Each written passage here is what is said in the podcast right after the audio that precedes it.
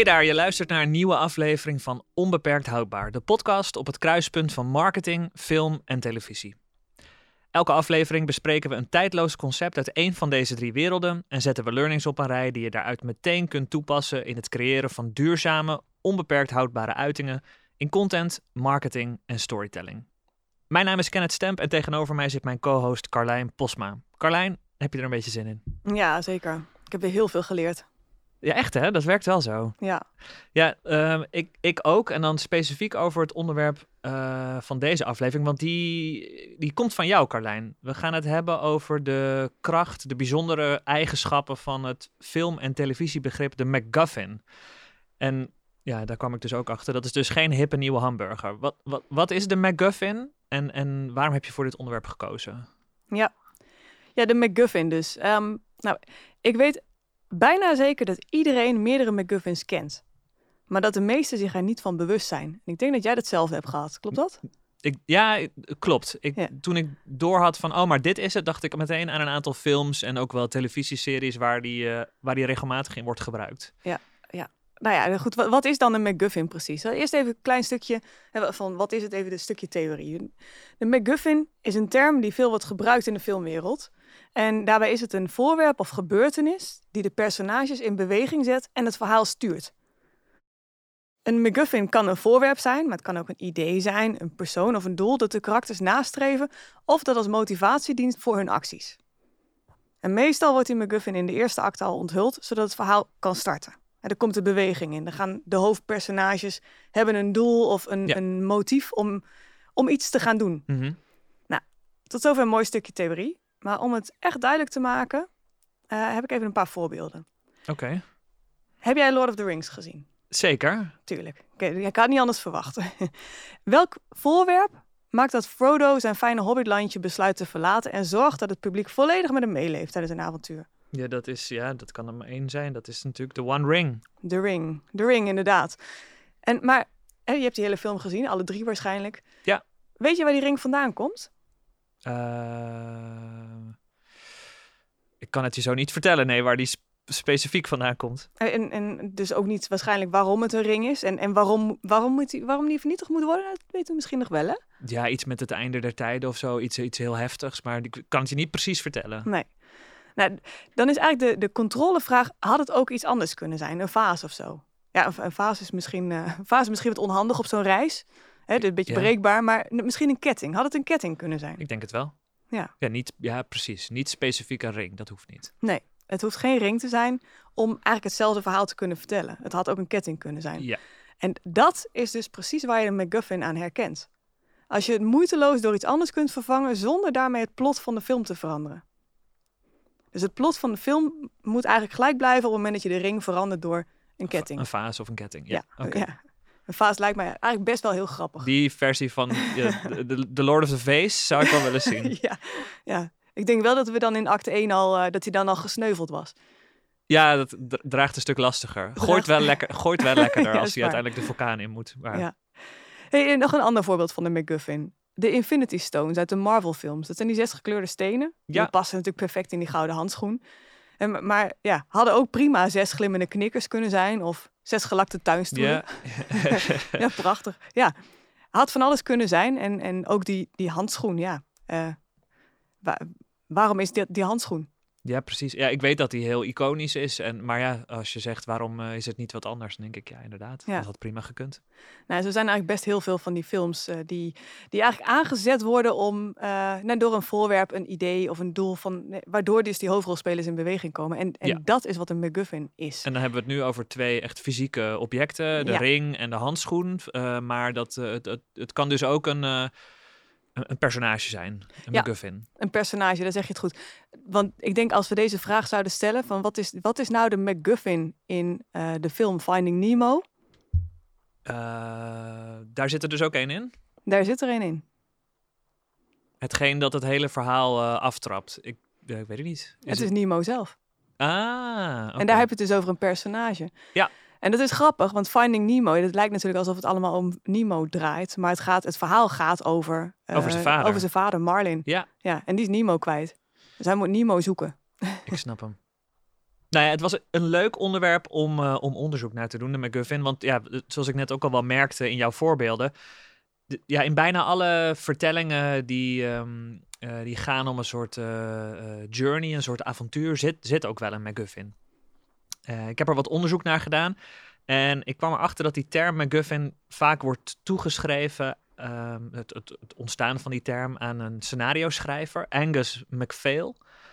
Um, maar dat het eigenlijk pas populair werd toen uh, Alfred Hitchcock, grote iconische filmregisseur, uh, toen hij de MacGuffin veel ging gebruiken in zijn films. Hij heeft het begrip de MacGuffin echt gepopulariseerd. Hij kopieerde het uit een, uh, uit een oud verhaal dat hij naar het schijnt een keer gehoord heeft. En in dat verhaal zitten er een aantal mensen in een trein passagiers in een trein en een van hen heeft een, een groot vreemd uitziend pakket bij zich. En um, de, de, de mensen tegenover hem die vragen van ja, maar wat, uh, wat is dat voor pakket? wat heb je daarbij je? En die man met dat pakket die zegt dan ja, daar zit een MacGuffin in. En hij zou het gaan gebruiken om tijgers te gaan vangen in de Schotse hooglanden. Daar, daar, daar komt het op neer. En die groep die tegenover hem zit, moet natuurlijk lachen, want die zeggen: hé, hey, maar er zijn helemaal geen tijgers te vinden in de Schotse hooglanden. En ja, als halve Schot dacht ik ook nou, meteen: dat zit niet helemaal goed. Dan zegt die man: oh, nou, dan zal dit dus wel geen MacGuffin zijn. En dat was een beetje de, de, de, de clue van dat verhaal. Van nou ja, dan, dan, is het dan is het waarschijnlijk geen MacGuffin. Dan zal het er wel niet toe doen. En dat effect, dat uh, waardeerde Hitchcock blijkbaar. Want um, het was een, een mysterieus pakket dat je aandacht trok. En toen je er uiteindelijk achter kwam wat het was, bleek het eigenlijk helemaal geen inhoud te hebben die ertoe deed. Maar het zorgde er wel voor dat het publiek, dus de mensen tegenover die meneer met het pakket in de trein, hun aandacht erbij hielden. En dus uh, uh, ja, dat, het, het, pakket bouwde de spanning op. Want wat zou erin zitten? Ja. Het zou een hele saaie treinreis, een heel saai verhaal zijn geweest als, als ze gewoon tegenover elkaar hadden gezeten. Zonder ja, dan denk ik dat het geen uh, mooi filmisch, iconisch voorbeeldverhaal nee. was geweest. Dan was gewoon een saai treinritje geweest. Daar heb ik ook honderd van gemaakt. ja, ja, klopt. Um, juist om iets, uh, een, een, element toe te voegen van onvoorspelbaarheid, zorg je ervoor dat je met je aandacht erbij blijft. En, en daar was Hitchcock uh, ja, heer en meester in. Hij, um, hij zag aan dat verhaal van dat pakket echt een, uh, um, ja, een eye-opener. Het publiek verwacht de oplossing van een mysterie. Dus zullen ze het verhaal blijven volgen, zelfs als het element dat ze in eerste instantie het verhaal introk, dat dus hun aandacht pakte, uiteindelijk totaal irrelevant blijkt te zijn. Uh, er bestaan namelijk helemaal geen tijgers in de Schotse hooglanden. Hm. Dus um, Hitchcock, helemaal overtuigd van het effect van die techniek, is het vervolgens gaan toepassen in veel van zijn films. Bijvoorbeeld in uh, The 39 Steps, een film van Hitchcock uit 1935. Daar zat ook een MacGuffin in en daar was het het plan voor een geavanceerde vliegtuigmotor. En in The Lady Vanishes, een, uh, een thriller die hij maakte in 1938, zit ook een MacGuffin. Daar is het een gecodeerde boodschap in een muziekstuk. Allemaal dus elementen die uh, uh, ervoor zorgen dat je als kijker op blijft letten en je, je betrokken voelt bij het verhaal. Maar die uiteindelijk helemaal ja, niet belangrijk zijn voor, voor de conclusie van, van de films. Nou, een laatste Hitchcock voorbeeld nog met een, een typische MacGuffin erin. North by Northwest. We hebben hem allemaal gezien. Daar achtervolgen spionnen een reclamemaker. Die wordt gespeeld door Cary Grant. Iconische shots, iconische film. Ik zie meteen dat beeld voor me van hij die wegrent voor dat, voor dat vliegtuigje. Uh, want volgens die spionnen heeft die reclamemaker geheime overheidsdocumenten uh, in zijn bezit. Maar er wordt aan die reclamemaker zelf of aan het publiek dat de film kijkt nooit onthuld wat er in die geheime documenten staat. Ze zijn er puur om het verhaal af te laten trappen. Echt een MacGuffin dus. Een MacGuffin kan dus een geheime aanleiding zijn voor de personages, maar het publiek hoeft zich er niet echt druk om te maken. Nee, nee het is puur om het verhaal dus te volgen. Het is niet. Uh, ja, het publiek weet er ook niks over, toch? We weten vaak niet wat er. Nee, het is spannend. Het is, het, is het, het, onbekende. En dan vooral het onbekende dat uiteindelijk helemaal niets waard blijkt te zijn. Nee, ja. Uh, maar dan heeft het zijn effect al gediend. Je hebt namelijk de hele tijd opgelet. En dat geldt vaak voor spionagefilms hè? en, en um, ja, achtervolgings. Zeker. De Indiana Jones is natuurlijk een heel groot voorbeeld daarvan. Ja, dat is bijna elke film draait om een MacGuffin, ja. absoluut. En zelfs de James Bond films, hè? Is dat zo? Ja, wat ik, uh, wat ik daarover vond, de, de Groene Amsterdammer heeft daar een stuk over geschreven. Maar um, de, de, film die jij net noemde, North by Northwest van Alfred Hitchcock, daar is het personage Thornhill, dit transformeert zich nou, in feite tot een ware James Bond in die film. Mm -hmm. um, En ja, dus, dus hij- het werd daar genoemd als eh, dat dat echt de voorloper is van het karakter van James Bond. Het is ook twee jaar voor Dr. No eh, verschenen. En ja, wat er, in, eh, wat er in die James Bond films eigenlijk altijd gebeurt, is dat er ehm maniacale boef uit op wereldverovering, houdt sexy vrouwen in greep. Bond moet de wereld redden en de vrouw bevrijden. En er seks mee hebben. Oh ja, typisch. Oh, die James Bond. Nou, dan ben ik wel benieuwd wat de MacGuffin zo'n ideaal middel maakt om te gebruiken in, eh, in je content. Als je bijvoorbeeld wil dat deze langer bruikbaar wordt, of als je op zoek bent naar manieren om je publiek eh, in het verhaal te trekken. Ja, nou ja, die, die MacGuffin, dat is natuurlijk gewoon eigenlijk een tactiek in storytelling die maakt dat karakters een doel hebben. Dus waardoor er iets gebeurt en, en het publiek meegenomen kan worden. En ja, eigenlijk is het zo, hè, zolang de MacGuffin niet is gevonden, gered, beveiligd of gerepareerd, als, als Frodo nou toch met die fase op pad was, Oh ja, ja, daar kan je toch nog wel lekker mee door. die moet gerepareerd. Maar zolang is het publiek nog geboeid aan het verloop van je verhaal. En ehm, nou ja, dat, dat kan. Je kunt dus een MacGuffin ook gebruiken als een hele fijne techniek om je verhaal langer door te laten lopen. ja. Dus dat vinden van die MacGuffin, de Holy Grail, of het antwoord op de vraag, het beloofde land, het beloofde resultaat, en wa- wat je, wat je je publiek eigenlijk ook maar belooft, ehm, ja, dat, dat maakt dat je gewoon dat je, ehm, dat je het publiek langer vasthoudt, langer betrokken houdt. Nou, je weet ook dat ik, eh, ik ben enorm fan natuurlijk hè, van serie-content. Ja. Sowieso van series, maar ook van serie-content als we het hebben over merkstrategieën. En ehm, ja, het, het zoeken naar of het achtervolgen van die MacGuffin kun je ook heel goed als brandstof gebruiken om een, om een doorlopend verhaal te maken. Dan zou je dus nog steeds, hè, die behoefte is er vaak, ehm, elke aflevering gewoon een rond verhaal kunnen maken met een, een, een begin, een midden en een eind. ja. Maar dat dan toch die MacGuffin, het, het vinden van het uiteindelijke doel, dat we daar niet mee afronden in die aflevering, maar dat we daar juist die, die cliffhanger gebruiken om weer naar die volgende aflevering te gaan. Want we hebben, we hebben nog niet bereikt waarvoor we erin zaten. En dat is eigenlijk dat is heel fijn om dat te kunnen toepassen. En ja, ik denk als je. De, laten we eens even kijken naar wat. Ik heb nu wat voorbeelden in mijn hoofd, maar een echte MacGuffin in reclameuitingen heb ik eigenlijk nog niet gevonden. Ik zou, als mensen die dit luisteren dat hebben gezien, dan hoor ik ze heel graag. Ja. Maar wat er dus nu vaak gebeurt, en ik denk dat het, het voorbeeld van ehm, eh, de Albert Heijn commercials, Mhm. daar ontbreekt gewoon zoiets. Daar ontbreekt iets waardoor ik meegetrokken word. Er zit, en mis- misschien heeft het ook al met het karakter te maken, het personage. Ehm, maar Ilse is daar die supermarktmanager. Is zij een MacGuffin? Nee, nee, ja, ik, ik zou niet weten waarom ik haar moet volgen. Wa- wa- Wat, moet ik daarmee? Nee, dat klopt. Ja, ze is meer het gezicht van. Ja, dus ik, ik, ik denk juist als er iets in die commercials, in die commercial reeks of in zeg maar de, ehm, de verhalenreeks van Albert Heijn zou zitten, waardoor we betrokken worden bij het verhaal. Mhm. Dus iets, misschien een doel wat die Ilse nastreeft. Ilse, supermarktmanager, of de Albert Heijn nastreeft. Ja. Dat we daarmee het verhaal ingetrokken worden, maar ook naar de volgende aflevering meegetrokken. Dus kunnen dan zou worden. het iets moeten zijn dat eh, in de eerste aflevering wordt geïntroduceerd en vervolgens elke keer weer terugkomt. Ja, nou, zo zou je het natuurlijk kunnen, kunnen insteken. Mhm. En ik heb het, eh, ja, het, het zijn natuurlijk ook, het is wel een verschil hè, of je nou zeg maar een, een, een brand serie maakt of een commercial reeks. Een commercial reeks heb je natuurlijk niet heel veel tijd in. Ehm, trouwens, da- daarom ben ik ook voorstander om commercials echt als trailers te gebruiken naar wat je echt wil zeggen. Ja, ja. En dat maakt dus ook dat je, dat je de mogelijkheid opengooit om er een nou ja, brandstof voor je verhaallijnen, voor je, voor je verhaal in te Oh stoppen. ja, dat is wel mooi gezegd. Maar dat wil dus ook zeggen, tenminste als ik het goed begrijp, dat een MacGuffin pas werkt als je hem.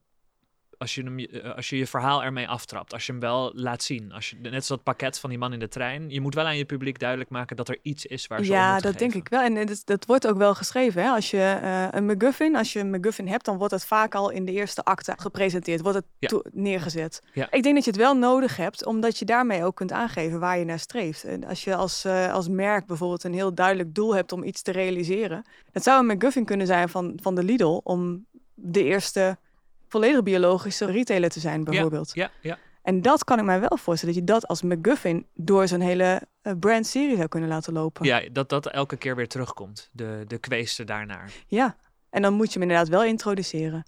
Het blijft natuurlijk de vraag, hè, kun je dat als merk, wil je dat dan openstellen dat je er nog naar zoekt, dat je hem nog niet hebt gevonden? Ja, precies. Want dat vinden we altijd heel spannend. Maar ik denk hoe opener je dat kunt doen, ja, hoe, hoe meer je het publiek mee kunt nemen in die reis. Hmm. Ja, ik denk dat het een, uh, het is een goede uitdaging om je dat eens af te vragen. Wat, uh, wat voor jouw merk of jouw bedrijf de McGuffin zou kunnen zijn. En ik, ja, het, het kan dat het iets van zwakte uh, neerzet. Want ja, je weet het nog niet. Je bent nog zoekende. Maar ik denk dat het ook perfect past eigenlijk bij de manier waarop we op dit moment met elkaar omgaan met, uh, met commercials. Hoe echter, hoe, hoe, hoe, hoe overtuigender. En als je er van tevoren gewoon voor uitkomt dat, dat je naar een commercial zit te kijken. Ja, volgens mij kun je dan een stuk meer maken dan dat je misschien nu wel denkt. Ja, ja dat denk ik ook. Ja, en, en kijk, dan ga je dus eigenlijk van. Uh, dan, dan zouden we mooi kunnen transformeren van korte sketches in commercials naar mm. echt gewoon motiverende verhaallijnen waar we bij betrokken willen zijn. En dan is natuurlijk wel de grote vraag: hè, van misschien wel onze eigen McGuffin. is het onbeperkt houdbaar? Oh ja, dat is, wel, dat is echt wel de McGuffin van deze podcast, ja. Ja, maar hij is wel, dat, dat klopt toch niet helemaal, want het is natuurlijk heel relevant voor ons plot. Dit is namelijk wat we doen. Ja, ja. dus maar daar, de, de, de, eeuwige zoektocht. De eeuwige zoektocht, zeker. Ja, ja. nee. er zit in ieder geval een stuk uh, McGuffin in onze, in, in dit onbeperkt houdbaar, in de zoektocht naar onbeperkt houdbare content. Ja, gelukkig maar, denk ik dan. Ja, ja, ja. Nou, dan is de vraag natuurlijk, is dan die McGuffin-tactiek, is dat onbeperkt houdbaar? Ehm, misschien niet aan zich, maar ik denk dat je daarmee dus wel.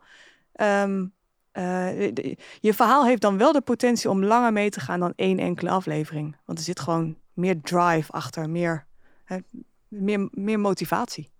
Oké, tijd voor een korte break. En als we weer terugkomen, gaan we het hebben over de manieren waarop je die McGuffin uh, zelf kunt gaan toepassen in je eigen duurzame content of in je marketingstrategie. Wist je dat de cliffhanger, dat moment aan het einde van een aflevering waarin er iets gebeurt waardoor we meteen verder willen kijken, echt al eeuwen oud is?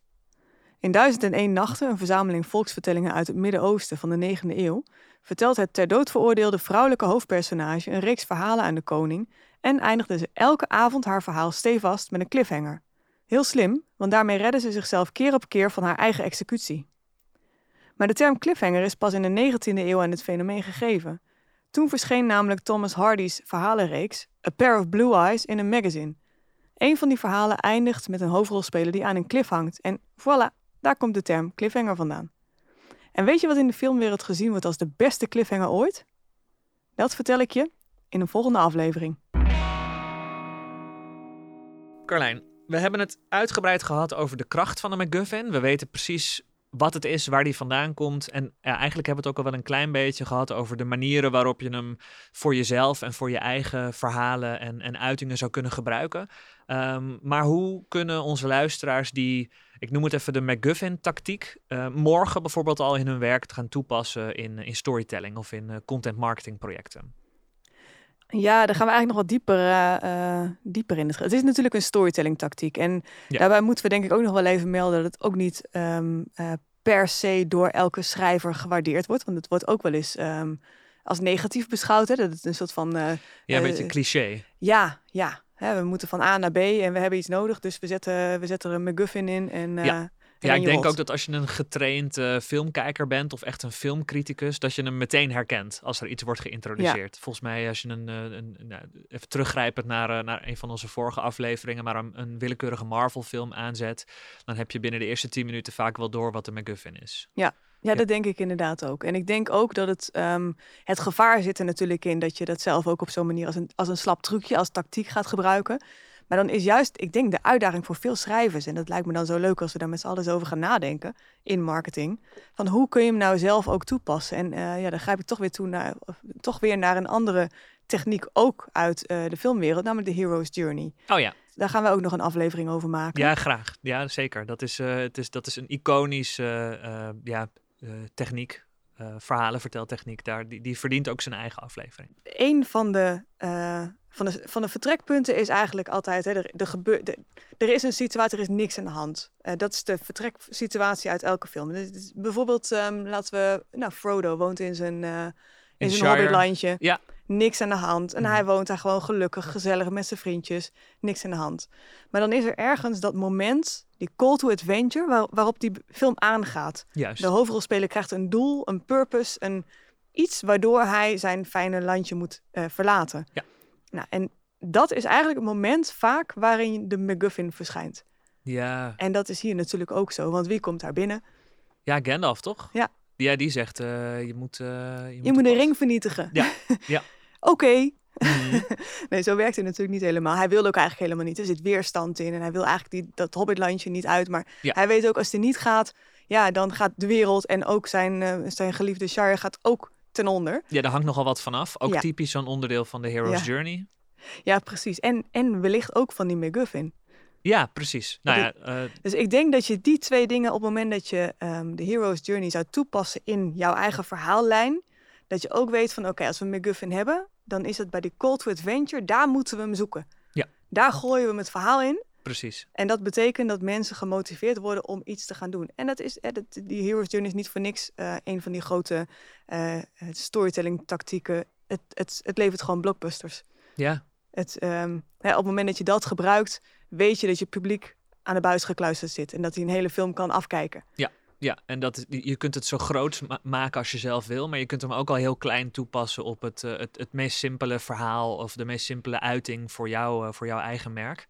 Um, dat maakt verder niet uit, want die, het, het begrip, de, de, de, de MacGuffin, kan ook het kan, het kan zijn wat je wil, als het maar een, werkt als middel om specifiek jouw publiek het verhaal in te trekken. Ja. En uh, dan komen ze er later wel achter aan het einde van de rit dat die McGuffin er uiteindelijk toch niet echt toe gedaan heeft. Het, is, het zijn meer dus de lessen die ze gedurende het verhaal hebben opgepikt of de, de insights die ze geleerd hebben tijdens het lezen.